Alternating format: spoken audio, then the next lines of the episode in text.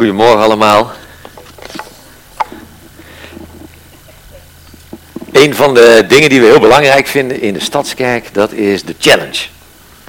Uh, de challenge, uh, daar praten we ook heel veel over. Uh, dat zijn vijf avonden waar je als een groep gaat nadenken over waar gaat dat geloof nou over.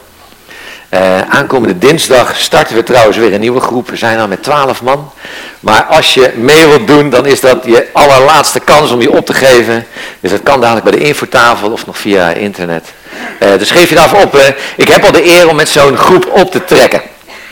Uh, dat is een groep die is eigenlijk tijdens corona begonnen. En maar vorig jaar is dat echt een hechte groep geworden. En dat is een eer om daarbij te zijn. En een tijdje geleden hadden we een, een avond. En een van die deelnemers zei van eigenlijk gelooft er in mijn hele familie helemaal niemand. En ook in mijn hele familie, of heel mijn vriendengroep, ben ik de enige. En, en soms ben ik met mijn vrienden en dan, dan voel ik me daar, bij mijn vrienden stiekem wel een beetje eenzaam eigenlijk. En dan vraag ik me af, is dat geloof eigenlijk wel de moeite waard? Is het het allemaal wel waard? En in dezelfde zin zei ze, en toch ga ik ervoor, samen met jullie. En, en die avond kreeg ik daar een brok van in mijn keel. En het, het is zo mooi verwoord. Het is zo echt, zo puur en tegelijkertijd ook zo dapper. En zo vol moed. In de Stadskerk doen we echt ons best om te laten zien hoe leuk het geloof is. Hoe geweldig het geloof is. En we doen ons best om het ook toegankelijk te maken voor, voor mensen zoals jij en ik. En we, we proberen het ook samen te doen. Maar het is ook goed om soms bij stil te staan dat er ook strijd bij is. Strijd bij het geloof, strijd bij het leven. Dat we soms worstelen en winnen en overwinnen. En dat gaan we doen vandaag aan de hand van 1 Korinthe 15. Dat is een tekst in de Bijbel. En dat doen we ook in deze serie aan de hand van een liedje. Een liedje van uh, Ronnie Flex en Snelle in de schuur is ergens diep van binnen toch geboren om te winnen. Kom eens jongens, gooi eens olie op het vuur. Je hebt zelf toch je handen aan het stuur. Ik vind het wel een lekker liedje. En uh, soms dan uh, zet ik hem even goed op en ik zal dadelijk nog vertellen waarom. Het gaat dus over winnen, over overwinnen, over strijd. En in 1 Korinthe 15 gaat het daar ook over. Uh, de Korinthe, dat is een stad in Griekenland. Daar is Paulus een kerk begonnen. Uh, daar gaat het dan niet altijd even lekker. En Paulus besluit om een brief te sturen aan die kerk met enkele onderwerpen daarin. Om die kerk te onderwijzen. En één onderwerp daarvan staat in 1 Korinthe 15. Daar gaat het over dat Jezus is gestorven en begraven. En dat hij ook weer opstaat uit de dood en een nieuw leven krijgt. En dat zijn 58 versen. Ik zou zeggen, ga hem even goed verzetten. Uh, nou, dat ga, ik dus niet doen, hè, maar ik, uh, ik lees het begin, halverwege wat en dan aan het einde. Om, dan krijg je wel een gevoel van wat er in dat hele lange hoofdstuk nou precies de bedoeling is. Broeders en zusters, ik herinner u aan het evangelie dat ik u verkondigd heb. Dat u ook hebt aangenomen dat uw fundament is, uw redding. Als u tenminste vasthoudt aan de boodschap die ik u verkondigd heb. Anders bent u te vergeefs tot geloof gekomen. Het belangrijkste dat ik u heb doorgegeven, het belangrijkste dat ik u heb doorgegeven, heb ik op mijn beurt ook weer ontvangen, is dat Christus voor onze zonde is gestorven, zoals in de schriften staat, dat hij is begraven en op de derde dag ook weer is opgewekt, zoals in de schriften staat. En dat hij is verschenen aan Kefas. En vervolgens aan de twaalf leerlingen. En daarna is hij verschenen aan meer dan 500 broeders en zusters tegelijk. Van wie er dan enkele gestorven zijn, maar de meeste die leven nog. Vervolgens is er Jacobus verschenen en daarna aan de apostelen. En pas op het laatste moment ook aan mij. Maar wanneer nu over Christus wordt verkondigd dat hij uit de dood is opgewekt, hoe kunnen sommigen dan zeggen van nu dat de doden niet zullen opstaan? Als de doden niet opstaan, is Christus ook niet opgewekt. En als Christus niet is opgewekt, is onze verkondiging zonder inhoud en uw geloof zinloos. Maar Christus is werkelijk uit de dood opgewekt. Als de eerste van de gestorvenen. Zoals de dood er is gekomen door een mens, zo is ook de opstanding uit de dood en gekomen door een mens. Zoals wij door Adam alle zullen sterven, zullen we door Christus alles, allen levend worden gemaakt. En er wordt een aards lichaam gezaaid, maar een geestelijk lichaam weer opgewekt.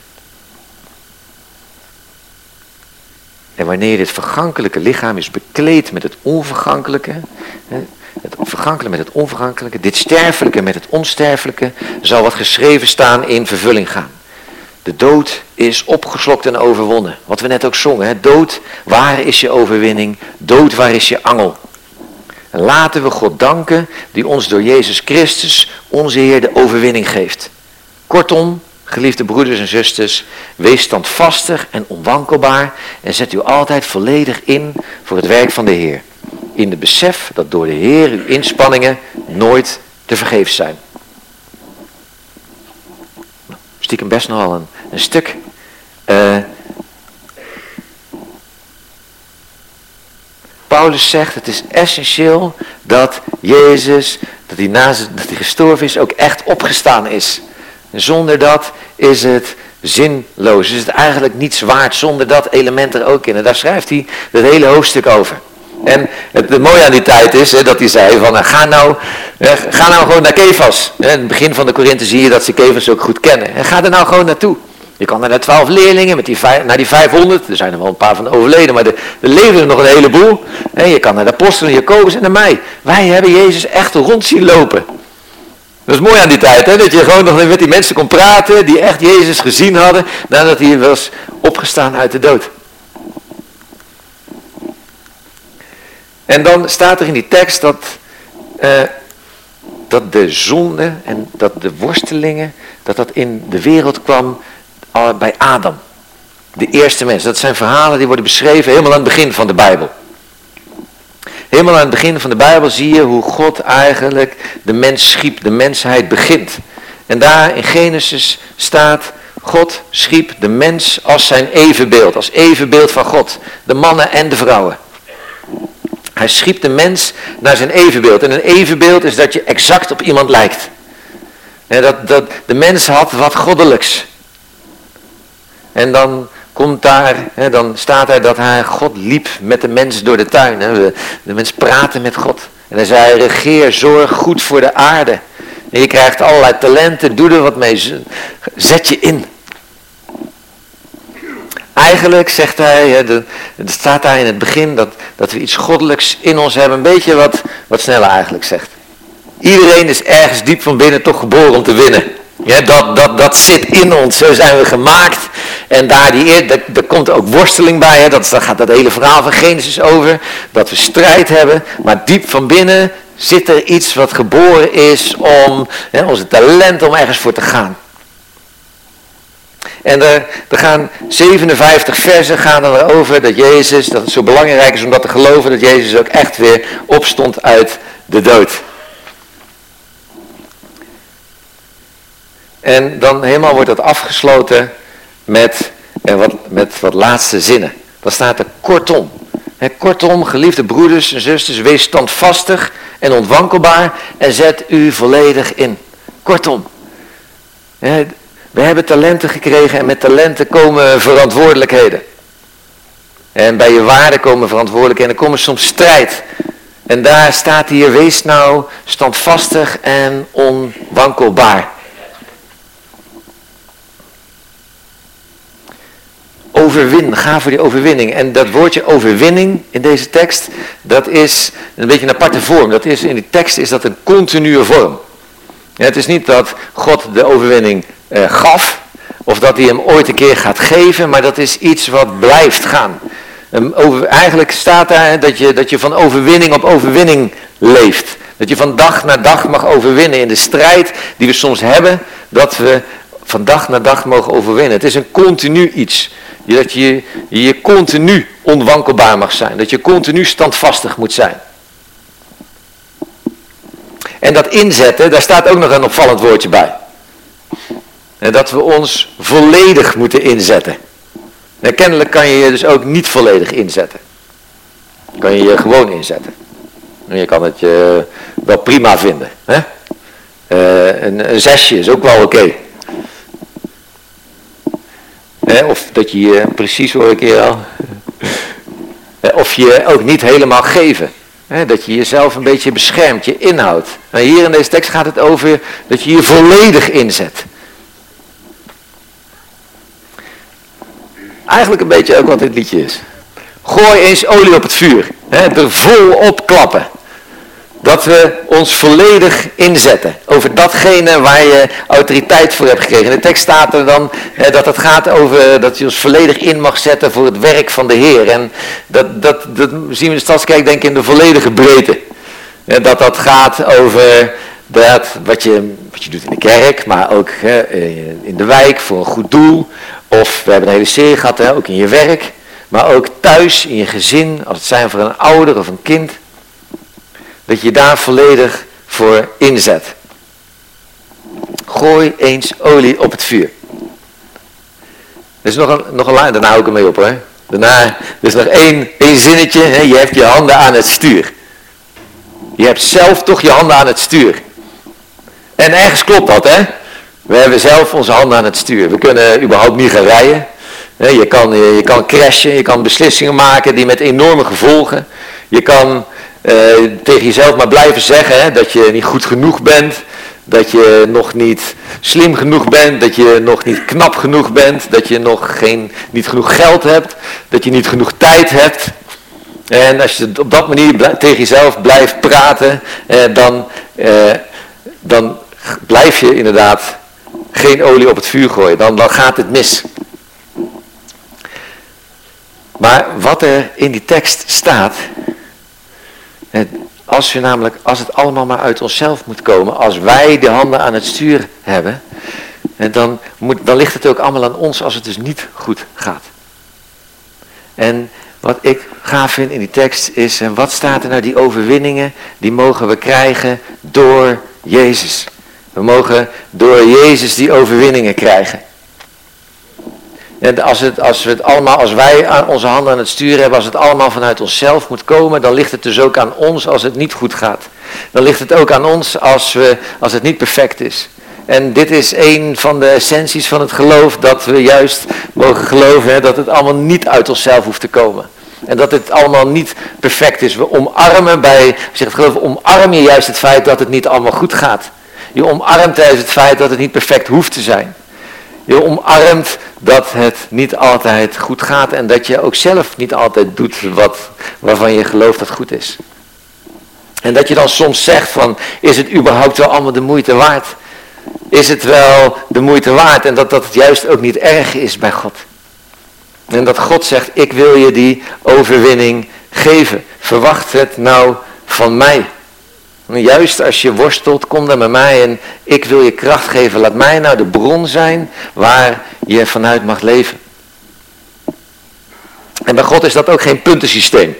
dat als je dan genoeg punten hebt gescoord, als je, als je genoeg leeft, dat je dan recht hebt op God. Dat je dan recht hebt op Gods liefde. En dit, we mogen dit krijgen. Dit is, we krijgen de overwinning door Jezus. Dat mag iedereen krijgen.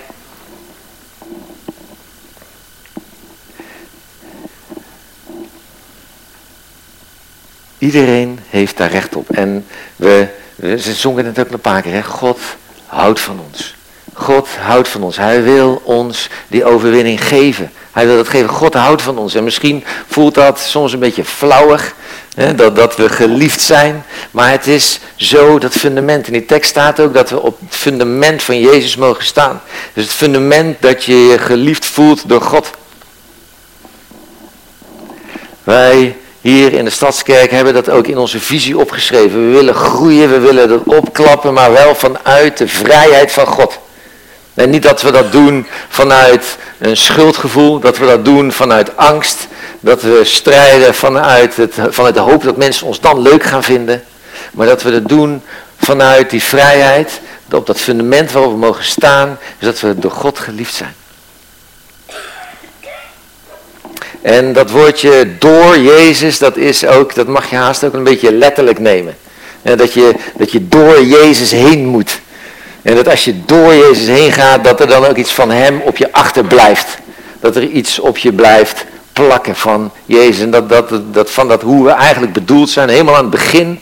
En dat we op van, iets van God een afspiegeling van God mogen zijn, dat dat al op ons achterblijft door Jezus.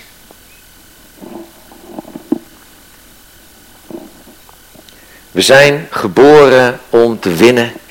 En gooi nou eens olie op het vuur. Klap er nou eens op. En dat is een liedje wat ik mezelf, voor mezelf ook nog wel eens regelmatig aanzet. En ik weet dat ik geliefd ben. Ik weet dat het allemaal niet perfect hoeft te zijn. Maar er echt volledig voor gaan, dat is nog wel, een, uh, wel eens een dingetje. En bijvoorbeeld ook met spreken, zoals uh, wat ik nu aan het doen ben. Jullie hebben trouwens, de meeste van jullie, allemaal zo'n kaartje op je stoel gekregen. En wat erachter wat minder, want we zijn toch met iets meer dan we dachten vanochtend. Uh, misschien kan je er wat uh, verspreiden. Dat is een Bing No kaart. Heeft inderdaad heeft Jasmin bedacht, mijn dochter. is heel creatief, dus ben ik trots op. bij, een, bij een gewone bingo kaart, dan, dan wil je zoveel mogelijk hokjes aankruisen. Dan wil je zoveel mogelijk cijfers ook aankruisen. En dit is het precies tegenovergestelde. Dit is een bing-no kaart. Hier wil je juist zo min mogelijk dingen op aankruisen. En we gaan er tekst opschrijven. Dat gaan jullie dadelijk doen. En dat is een kaart waar je iets op kan schrijven over als jij even helemaal geen op het vuur dreigt te gooien. er staat dat je je volledig inzet, maar dat is het moment, dat zijn dingen die je zelf voorhoudt wanneer je niet er volledig voor gaat. En bijvoorbeeld, wat ik wel eens doe, is ik eh, moet vandaag spreken. En dat is nogal eens een worsteling. En uh, zo, inmiddels ken ik de, doe ik heb ik het al vaker gedaan. En dan heb, eh, heb ik mezelf wat leren kennen. Maar zo vaak de donderdag, dan, dan heb ik een enorme dip. En, en dan, dan begin ik daar. Hè. Dan, dan ga ik me niet volledig inzetten. Dan, dan begin ik te zeggen tegen mezelf, het is deze keer niet zo'n goeie. Het gaat niet lukken. Ik moet zondag en het gaat niet lukken. Ik heb eigenlijk ook veel te weinig kennis om dit te doen. Ik heb nog veel te weinig kennis. En dan moet ik iets bijzonders hebben. En ik ben, helemaal, ik ben nog helemaal niet gelovig genoeg. En hoezo moet ik dan daar staan en dan iets zeggen? En dat zijn de dingen die ik dan tegen mezelf zeg. En dan begin ik vaak bij Jessica, mijn vrouw, een beetje te zeuren. En uh, ook nog eens bij Wilfred en Ellen. En inmiddels kennen die mij nou al een beetje. Ja, hè, dat, dat, dat komt wel goed. Maar uh, op donderdag is Jessica vaak uh, oefenen voor de band. Dan ben ik alleen. En dan, dan moet ik echt bij God zijn. En bidden, wilt u mij helpen om olie op het vuur te gooien? Om er volledig voor te gaan. Om te beseffen dat ik deze verantwoordelijkheid gekregen heb. En dan ook helemaal voor te gaan. En zo'n avond even God aan het stuur te zetten. En waar je verantwoordelijkheden voor hebt gekregen, dat verschilt natuurlijk van persoon tot persoon. ik heb zelf drie kinderen. En uh, ja, de oudste zit op de westerij. En het is natuurlijk fantastisch hè, kinderen. Dat is geweldig. Tegelijkertijd is het vaak ook een hele pijnlijke spiegel voor wat er wat minder goed is in je eigen karakter. Eén, uh, van de dingen is dat ik soms, ik ben gewoon soms veel te strikt, veel te streng. En dan vind ik het lastig om mijn kinderen ook echt kind te laten zijn. Ik, eh, op mijn werk ben ik eh, vaak bezig met teams om die effectiever te laten zijn, efficiënter, eh, wendbaar. En daar ben ik denk ik ook wel goed in. maar met kinderen werkt dat niet altijd zo. en Laatst hadden we zo'n momentje, dat, was met mijn middelste dochter, het was kwart over zeven, ik moest nog van alles doen. Ik zei, nou Isme, ik ga naar boven. Uh, ga jij nou om half acht naar boven, dan ga je alvast even je tanden poetsen, douchen, je moet een hoop gebeuren. Dus ga nou om half acht naar boven. Lukt dat? Ja, dat lukt. Oké, half acht. Ik naar boven. En om kwart voor acht denk ik, het is nog best wel even stil beneden. Ik ga toch eens kijken. En ik kom beneden en ik zie daar inderdaad Ismee om kwart voor acht op de bank zitten, samen met mijn vrouw notabene. En ik voel een beetje, ik, ik was al een beetje geïrriteerd. En ik voel ook de, de, beetje de boosheid bovenkomen. En ik zeg, hup, naar boven. We hadden gezegd half acht, afgesproken, hup, naar boven. Ismee, ja maar, nee, naar boven. Dus Ismee, naar boven, stampend en ik kijk Jessica zo aan en ik zie al van, oké, nou, misschien was dat misschien niet zo heel handig. En Jessica zegt, Thijs, we hadden juist een heel mooi gesprekje met z'n allen. Wat maken die 15 minuutjes dan nog uit? En ik weet al, dit is al een beetje mijn gevoelig punt. En ik, er was al wat frustratie. Dus de schaamte komt op. En op dat moment is er zo'n moment hè, dat je die bingo kaart kan trekken. Dat je dus geen olie op het vuur gooit. Ja, niet in de positieve zin. En dan komen die dingen naar boven. Dan kan ik tegen mijn vrouw gaan zeggen. Ja, zo ben ik nou eenmaal. Yes, je weet toch hoe ik ben. Ja, of we hadden dit toch afgesproken. Dit was toch heel duidelijk. Dit is, hè, mijn, dit is gewoon mijn rechtvaardigheidsgevoel wat opspeelt. Dat ik dit zeg. Of ik kan een beetje de slachtofferrol, hè. Ik leer het ook nooit. Wat ben ik toch een slechte vader. Of ik kan die Bing No kaart dus niet aankruisen. Die dingen niet gaan benoemen. En hem in mijn zak steken en zeggen, oké, ik moet hier voor gaan. Ik wil een betere vader worden. En naar boven gaan, naar mijn dochter en zeggen, weet je, papa's maken ook foutjes. Die van jou misschien wat vaker. Papa's maken ook foutjes. En dat bespreken. En ik wil vragen of jullie even een momentje pakken om dat kaartje erbij te pakken. En een pen. En dus op te schrijven, wat zijn nou voor jou die zinnen die ervoor zorgen dat je er niet altijd volledig voor gaat. Wat zijn nou die dingen die jou, de, die jou doen belemmeren om echt olie op het vuur te gooien? Ik ben nog niet. Ik ben nog niet slim genoeg. Ik ben nog niet dit. Ik ben nou eenmaal zo. En je weet toch, je weet toch, je weet toch dat ik van jou Of ik moet eerst nog schrijven. Nee, pak eens een moment en schrijf eens van die zinnen op. En eigenlijk, hè, we nemen nou, een beetje lastig aan te voelen hoeveel tijd je daar hiervoor nodig hebt, hè, maar misschien is het goed om dadelijk eh, nog eens wat aan te vullen. Maar ik wil, ik wil het eigenlijk zelfs nog even naar een hoger niveau trekken als het gaat over olie op het vuur gooien. Er volledig voor gaan. Met oud en nieuw waren wij met twee andere koppels en kinderen een beetje van dezelfde leeftijd waren we op vakantie gegaan naar Denemarken. Met z'n allen in één groot huis. Uh, heel gezellig. Uh, en aan het einde van die vakantie uh, zitten, we met, zitten met die vrienden bij elkaar en een van die mannen die zegt, Matthijs, als je mij nou zo'n hele week bezig ziet, hè, als je mij nou zo'n hele week bezig ziet met mijn kinderen, hoe denk jij dat ik nou een betere vader zou kunnen zijn? Hoe zou ik beter mijn kinderen kunnen opvoeden?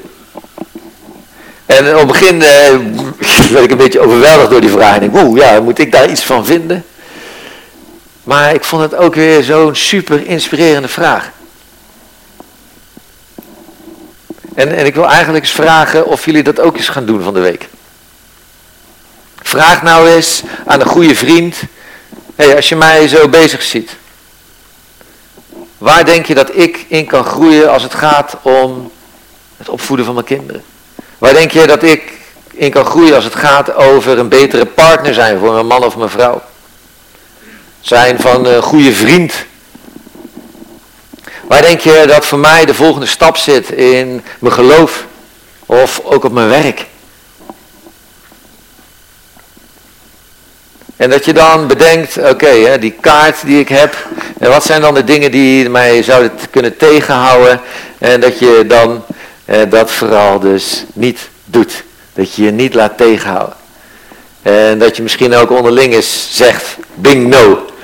Ja, dat je, dat je voor jezelf weet, oké, nou komen die zinnen weer boven en dat ga ik dus vooral niet doen. Ik wil olie op het vuur gooien.